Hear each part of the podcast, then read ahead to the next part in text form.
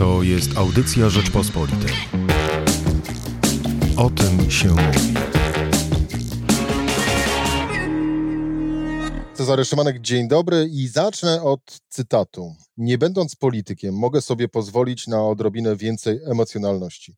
Od chwili procedowania ustawy o przeprowadzeniu głosowania korespondencyjnego miałem poczucie, że proces polityczny przeobraził się w czystą i zarazem żałosną farsę.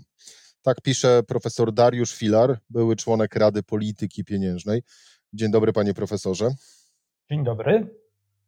Panie profesorze, cóż się stało, że pan się wziął za politykę?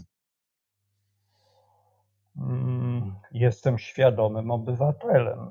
A jestem świadomym obywatelem, który ma szansę obserwować to, co na temat wydarzeń w moim kraju mówią ludzie, do których mam zaufanie. Myślę tutaj o takich konstytucjonalistach jak pan profesor Matczak, czy z mojego macierzystego uniwersytetu profesor Zajadło.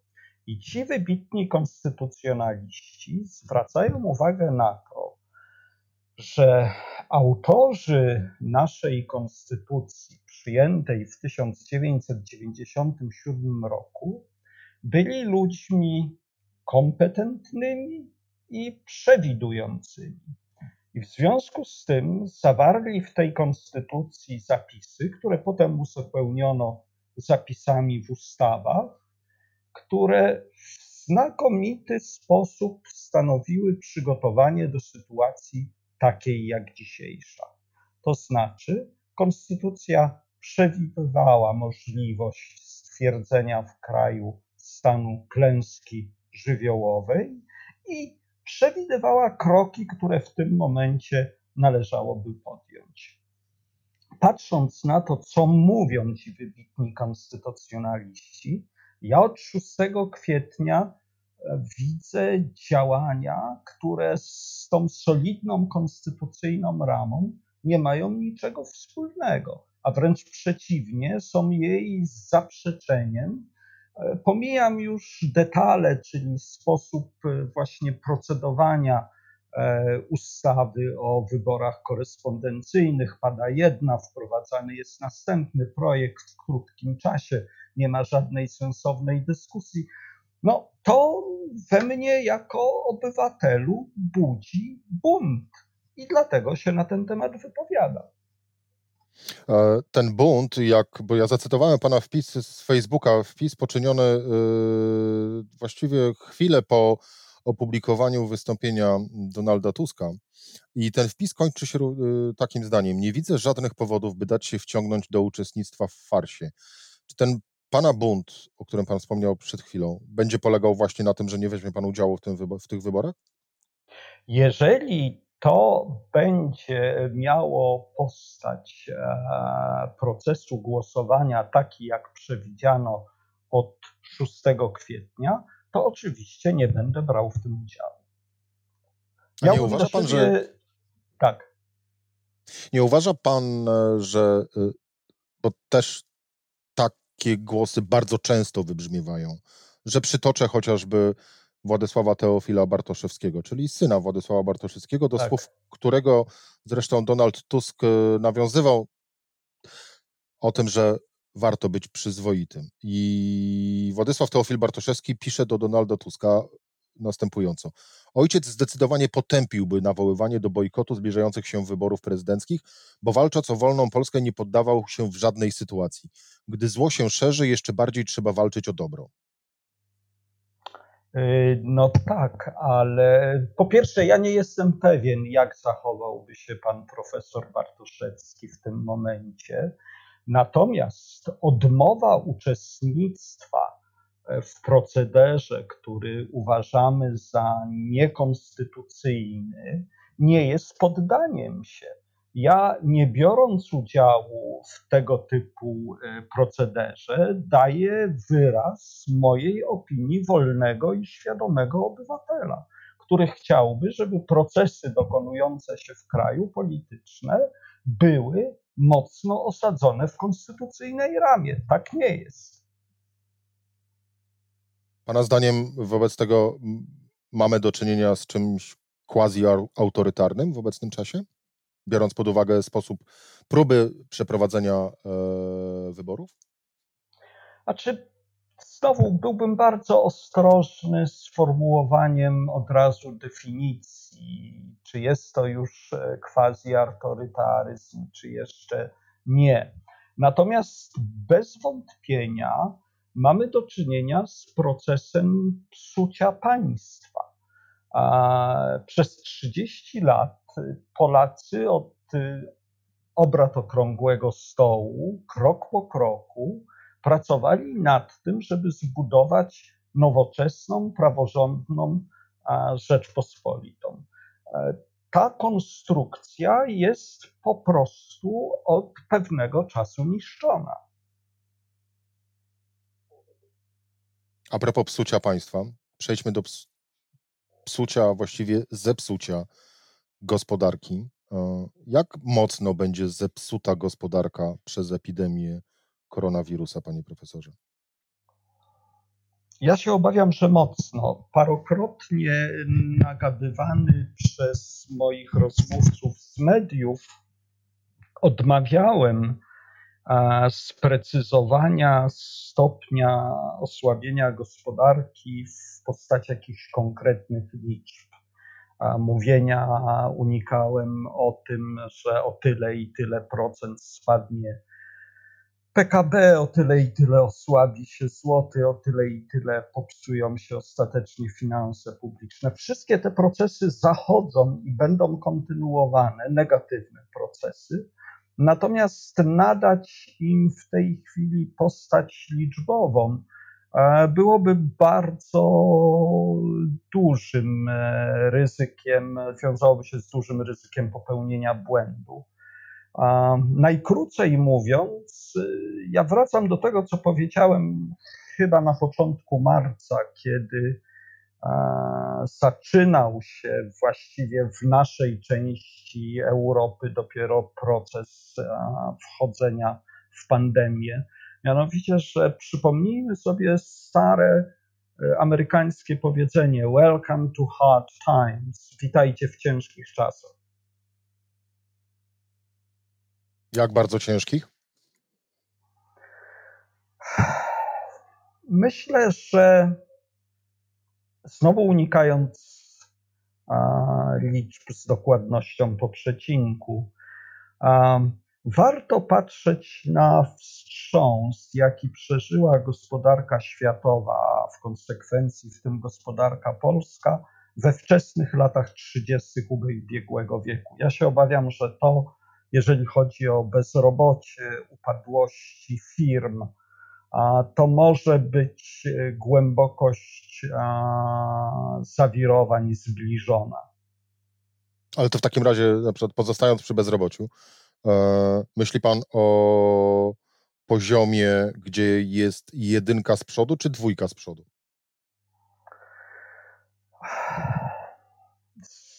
Znowu myślę, że granica pomiędzy jednocyfrową wielkością a dwucyfrową wielkością jest granicą, której przekroczenie nam grozi.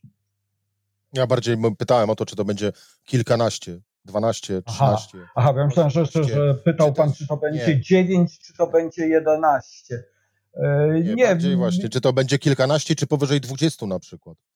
Nie, aż tak źle tego nie widzę. To znaczy, ja patrzę głównie na to, które sektory mogą zostać najmocniej uderzone i w związku z tym a, będą miały kłopot z powrotem do e, dawnego poziomu aktywności. Jak sobie właśnie te poszczególne sektory przeglądam, to wychodzę raczej na wielkość zbliżoną do 10 czy niewiele ponad 10%.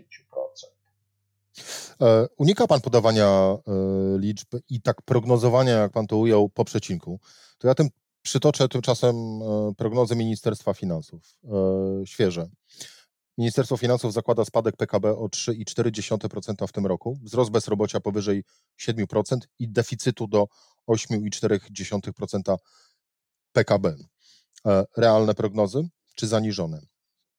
Znaczy, Wszelkie prognozy zależą od tego, jakie się przyjmie założenia. Zakładam, że w Ministerstwie Finansów pewne założenia towarzyszyły formułowaniu takich prognoz. Gdybym je znał, mógłbym e, głębiej analizować trafność lub nietrafność prognoz. E, wydaje mi się, że nawet te, które zostały przedstawione, nie dają specjalnych powodów do optymizmu. A one są zbyt optymistyczne? Bardzo ostrożnie powiedziałbym, że są przesunięte ku optymizmowi od poziomu, który można by uważać za najbardziej prawdopodobny. Ile to będzie trwało, panie profesorze? Czy to będzie w kształcie litery V i yy, wrócimy do czasów krainy mleka i miodem e, płynącej e, bardzo szybko, czyli już w przyszłym roku, czy też raczej będziemy się z tego bardzo wolno gramolić jak z błotnistego dołu? Jak pan może usłyszał, jakiś taki sarkastyczny uśmieszek zagrzmiał Usłyszałem. chwilę w moim głosie. Pytanie jest w dużej mierze pytaniem nie do ekonomisty, tylko pytaniem do specjalisty od procesów epidemicznych w społeczeństwach. To wszystko będzie zależało od tego, w jakim tempie będzie się cofała pandemia i pozwalała uwalniać kolejne obszary. Ja muszę powiedzieć, z takich przykładowych Y, obszarów gospodarki, na które ja patrzę z ogromnym niepokojem, to jest y, transport lotniczy i powiązana z nim turystyka, albo turystyka powiązana z transportem lotniczym. Proszę popatrzeć, to są te setki i tysiące samolotów zaparkowanych na wymarłych lotniskach i ogromne rzesze ludzi w krajach dla których turystyka miała ogromne znaczenie, którzy z tego żyli w pierwszym rzędzie, oczekujących teraz z przerażeniem nadchodzącego lata. No tak, bo trudno sobie wyobrazić, że oto nagle plaże na przykład na południu Europy e, zapełnią się, zapełnią się tłumami, jak to zwykle w sezonie było. Od chociażby e, władze Sycylii, które też już właśnie patrząc w przyszłość e, mówią wprost: przyjedźcie do nas, zwrócimy wam połowę pieniędzy za bilety lotnicze. Co ma pan na myśli, mówiąc, że patrzy pan z trwogą na branżę lotniczą, łamane na branżę turystyczną? Ma pan na myśli to, żeby jej w jakiś specjalny sposób pomóc, czy też e, to, by jak najszybciej przywrócić ją do życia? Znaczy, ja myślę, że ta branża, jak jedna z wielu innych będzie się odradzała wraz z powracaniem gospodarki na normalne tory, chociaż co będzie znaczyła nowa normalność, też jeszcze do końca y, nie wiemy. Także znowu ja jestem ostrożny z takim um, wolontarystycznym decydowaniem, tu musimy dodać pieniędzy, tu musimy wspomóc, tu zapobiec upadłości. A oczywiście trzeba ratować e, ludzi, którzy zostaną bez jakichkolwiek dochodów, a to mogą być całkiem znaczne grupy Natomiast y, jakie usługi przywrócić do życia, jaką produkcję uznać za priorytetową, o tym powinna zacząć decydować w jakimś momencie sama gospodarka. E, ale tak czy inaczej, tej gospodarce trzeba pomóc. E, I w kontekście tej pomocy, wracając do, do Polski, z owej e, Sycylii wspomnianej przeze mnie, jest 100 miliardów złotych starczy finansowej. Mm, jak pan ocenia tego typu pomoc? Znaczy, to ma bardzo wiele wymiarów, dlatego że ja patrzę na to przede wszystkim jako były członek Rady Polityki Pieniężnej i ktoś, kto był związany z funkcjonowaniem banku centralnego. E, proszę jak pan popatrzeć... usłyszał, wejdę w słowo, jak pan usłyszał o tym planie, w jaki sposób ta cała operacja ma być przeprowadzona, jak duża jest kwota owej pomocy, to co, gęsia skórka, włos na głowie się zjeżył i nerwowy krok? Y, nie, raczej nie same sumy mnie zaniepokoiły, natomiast sposób pozyskania tych sum. Dlatego, że w nieco uproszczony sposób to jest nazywane jako polskie luzowanie ilościowe, polski quantitative easing. Ale proszę zwrócić uwagę, że luzowanie ilościowe, wtedy kiedy zastosowały je inne banki centralne, było bardzo mocno związane z rynkiem. A pragnąc pomóc, jeżeli perspektywę europejską przyjmiemy, a takim krajom jak Hiszpania, Portugalia, Grecja, EBC od rynku odkupywał funkcjonujące na tym rynku obligacje tych państw.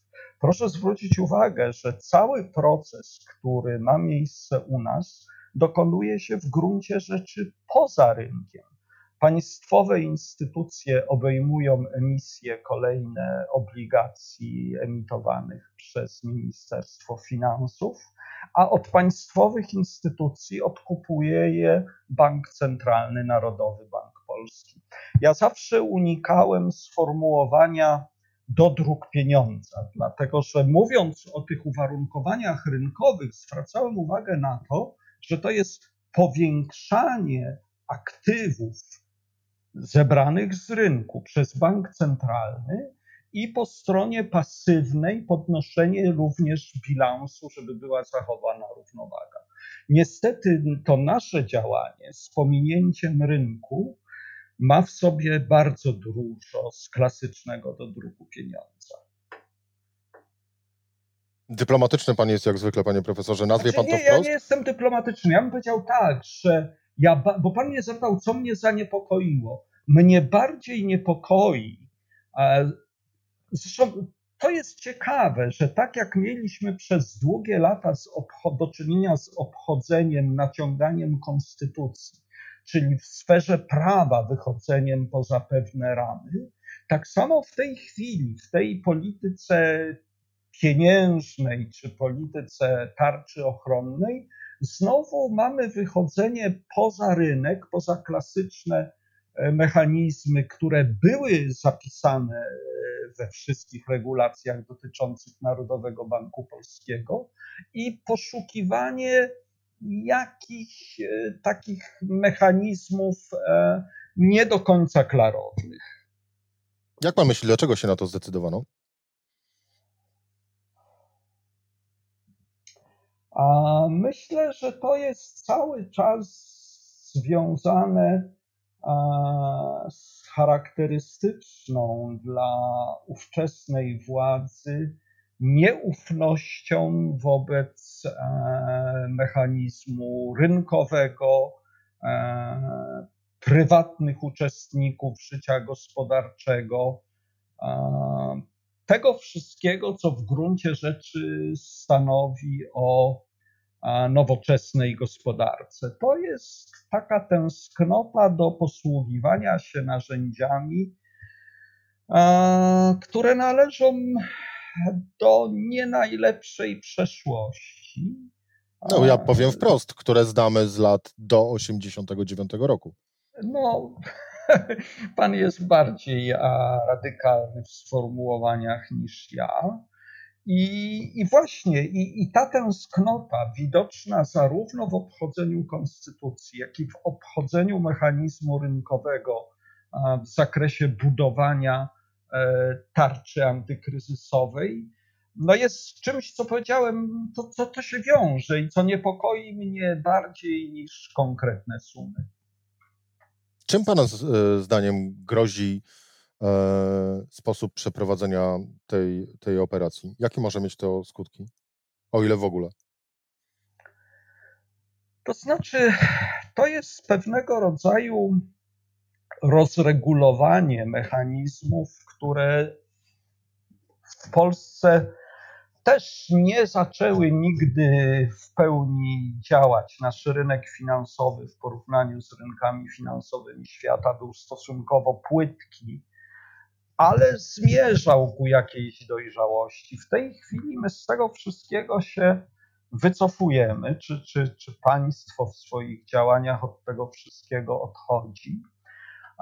I znowu moja taka najgłębsza, fundamentalna obawa jest taka, że wchodzimy w jakiś dziwny system gospodarczo-polityczny, będący hybrydą rozwiązań z przeszłości, sprzed 89 roku, z pewnymi elementami współczesności, ale już popsutymi, już spaczonymi w jakimś sensie, i że na dłuższą metę możemy się znaleźć i pod względem politycznym, i pod względem gospodarczym, a w jakimś takim obszarze mm, szarości czy mm, nieklarowności w porównaniu z tym, co będzie się kształtowało w świecie.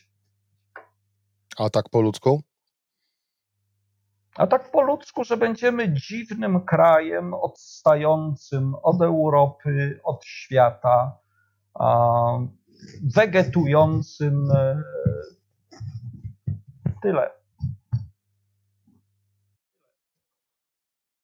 Rozumiem, że ma Pan na myśli yy, sekwencję wydarzeń w połączeniu również yy, z takim, a nie innym przeprowadzeniem wyborów, yy, wyborów prezydenckich. Tak, ja to cały czas wiążę, dlatego tak jak mówię, to, że się obchodzi w jakimś momencie konstytucję i, i to się na przykład w roku 2016 czy 2017 wydaje a, taką lekką dewiacją, to, to, to, to potem narasta. Jak się zaczyna w gospodarce lansować rozwiązania etatystyczne, państwowe, przerzucać pieniądze z jednych państwowych spółek, które sobie radzą lepiej, do spółek, które są na skraju upadłości. To są decyzje pozarynkowe. To tego typu zjawiska i w polityce, i w gospodarce w pewnym momencie się kumulują i prowadzą nas właśnie w ten taki dziwny obszar gospodarki, którą do końca trudno zdefiniować. No właśnie, bo miałem o to zapytać, tak naprawdę uprzedził Pan moje, moje pytanie. Jak profesor ekonomii e, próbuje sobie nazwać, o ile w ogóle, model gospodarki, który z kolei próbują stworzyć rządzący w Polsce? Znaczy tak, ja w niektórych tekstach używałem sformułowania wtórny, anachroniczny etatyzm. W odniesieniu do gospodarki, czyli gospodarka, w której to państwo decyduje o tym, jak ma się gospodarka rozwijać. W wymiarze politycznym za Madeleine Albright powtarzałem demokracja nieliberalna, choć profesor Zajadło, który jest pryncypialny w swoich poglądach, skrytykował mnie zaraz, że to niewłaściwe sformułowanie, bo jeżeli w demokracji zabraknie liberalnego elementu, to to już demokracja nie jest. Więc jak będziemy nazywali to z perspektywy historycznej, zobaczymy, ale jest to po prostu okres z jednej strony marnowania potencjalnych szans, jakie Polska posiadała, a z drugiej strony w obliczu zjawiska, za które nikt nie ponosi winy, czyli mówię o pandemii. A, a już myślałem, że, że miał Pan na myśli e, decyzje podejmowane przez prezesa Jarosława Kaczyńskiego. Nie, nie, nie, nie, nie, nie, nie. Ja, ja nie mam skłonności do te, tego typu ocen. Nie, natomiast zwracam uwagę na to, że zjawisko takie jak pandemia, jeżeli pewne negatywne procesy w polityce i gospodarce się toczą, to zjawisko takie jak pandemia tworzy da, dla nich dodatkowy grunt do, do, do, do, do dalszego podążania w złą stronę. Skoro już uzgodniliśmy też w trakcie rozmowy, panie profesorze, że to ja jestem od owych e, radykalniejszych stwierdzeń, e, to opisując e, nowy ustrój, który tworzy się w polskiej gospodarce i w ogóle no, nowy, nowy kraj, no to w tym kontekście też bardzo często również z ust, z ust polityków opozycji pojawia, pojawia się takie określenie jak Republika Bananowa.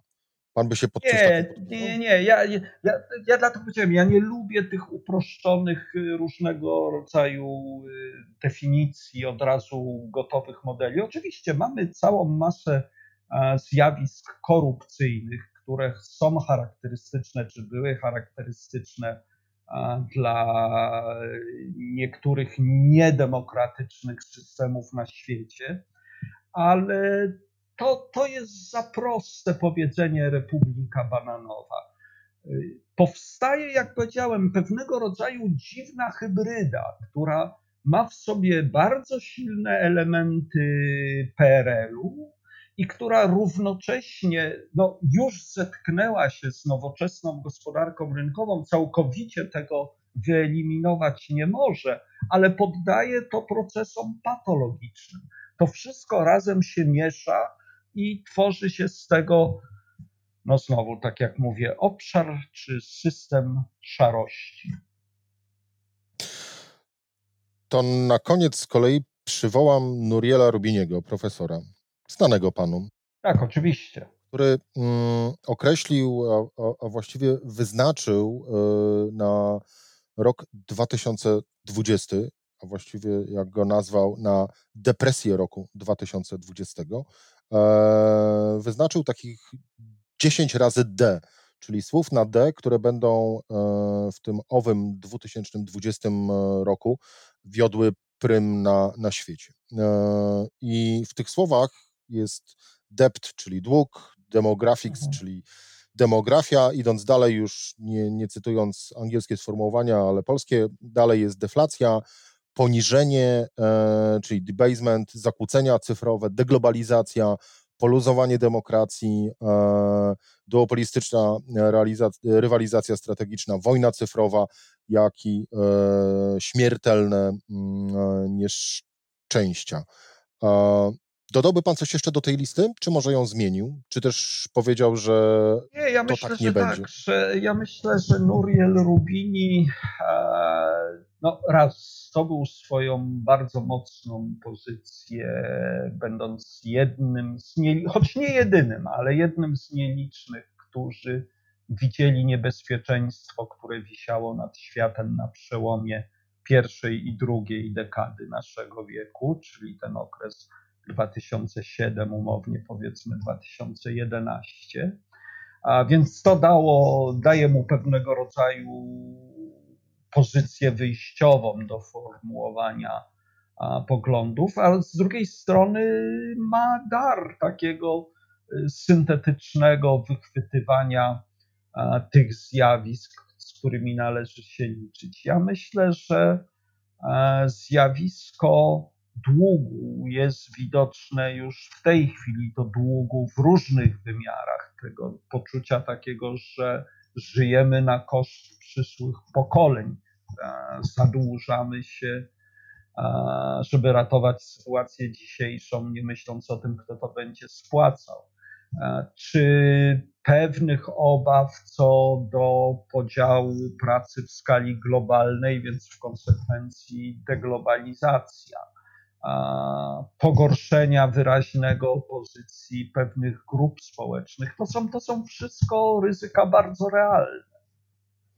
Mnie najbardziej tak naprawdę poruszyło tam słowo debasement, czyli e, które też można przetłumaczyć jako e, utrata wartości właściwie wszystkiego, z czym mamy do czynienia. E, no to, to mhm. dosyć przerażająca wizja tak naprawdę. Dlatego ja bym powiedział, że zadaniem dla tych, którzy czują się odpowiedzialni za świat, powinna być walka o obronę podstawowych wartości. To na koniec, panie profesorze, y, zatoczymy koło i y, czyli w, wracając do e, pana oceny wyborów korespondencyjnych. Nie pytam o, o, to, o kandydata, ale zapytam w ten sposób. E, jeżeli wybory korespondencyjne się odbędą w takiej formule, o jakiej teraz cały czas się mówi, zostanie w nich wybrany prezydent. Czy to będzie pana prezydent? Nie, no siłą rzeczy nie będzie to mój prezydent, dlatego że, jak powiedziałem, byśmy nie poruszyli jednej kwestii, bo mówiąc o tym, że nie biorę udziału w tak przygotowanym procesie głosowania, które nazywam tak zwanymi wyborami, dla mnie to nie są wybory prezydenckie w świetle konstytucji, podejmuję decyzję jako indywidualny obywatel. Mam poczucie, że mam do tego prawo. Troszeczkę inna jest sytuacja aktywnie uczestniczących w grze politycznej. I e, ja im nie zazdroszczę, dlatego że ja bym powiedział, że dla każdego z kandydatów w tej chwili, jeżeli myśli poważnie o konstytucyjnej kotwicy życia politycznego, jest moment na podjęcie decyzji ja nie jestem kandydatem. W związku z tym ktoś, kto zdecyduje się być kandydatem, nie może być moim prezydentem. Profesor Dariusz Szwilar, były członek Rady Polityki Pieniężnej. Panie profesorze, bardzo panu dziękuję za rozmowę. Dziękuję bardzo. To była audycja Rzeczpospolitej. O tym się mówi.